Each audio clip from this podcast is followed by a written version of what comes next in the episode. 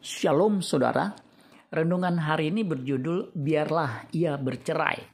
1 Korintus 7 ayat 15. Tetapi kalau orang yang tidak beriman itu mau bercerai, biarlah ia bercerai.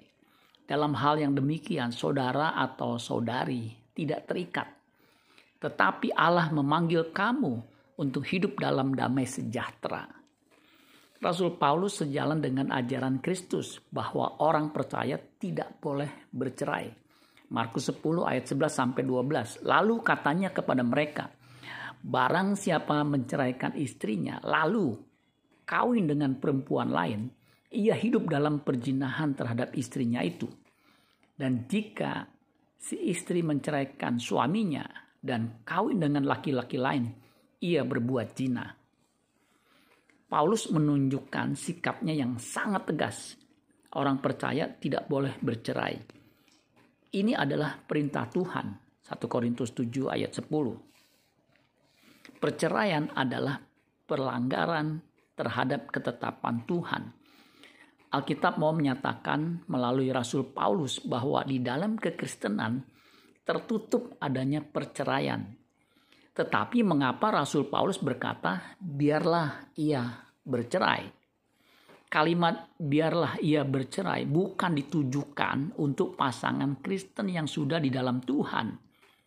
Konteks kalimat ini, biarlah ia bercerai, adalah adanya suami istri yang tadinya mereka bukan orang percaya, lalu salah satunya menjadi Kristen mereka pun sebenarnya boleh tetap hidup sebagai suami istri karena pasangan yang belum percaya akan dikuduskan oleh pasangan yang sudah percaya. 1 Korintus 7 ayat 12 sampai 14. Mereka yang sudah percaya tidak boleh menceraikan pasangan yang belum percaya.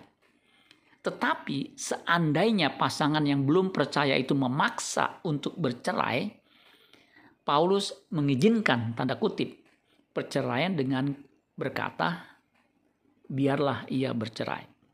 Kalimat ini dalam bahasa Yunani berbunyi korisesto.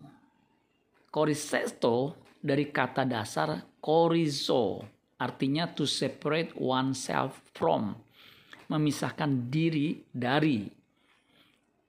Mengapa Paulus mengizinkan perceraian yang demikian? Alasannya jelas demi terpeliharanya kehidupan iman yang dimiliki pihak yang sudah percaya. Karena perceraian demikian diizinkan. Maka perceraian yang demikian diizinkan.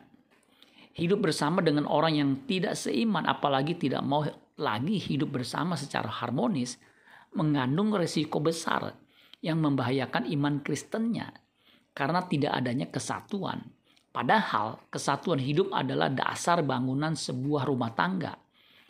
Karena itu implikasi dari kebenaran ini adalah untuk menghindari perceraian yang melukai hati Tuhan, hendaklah orang percaya menikah dengan orang yang seiman.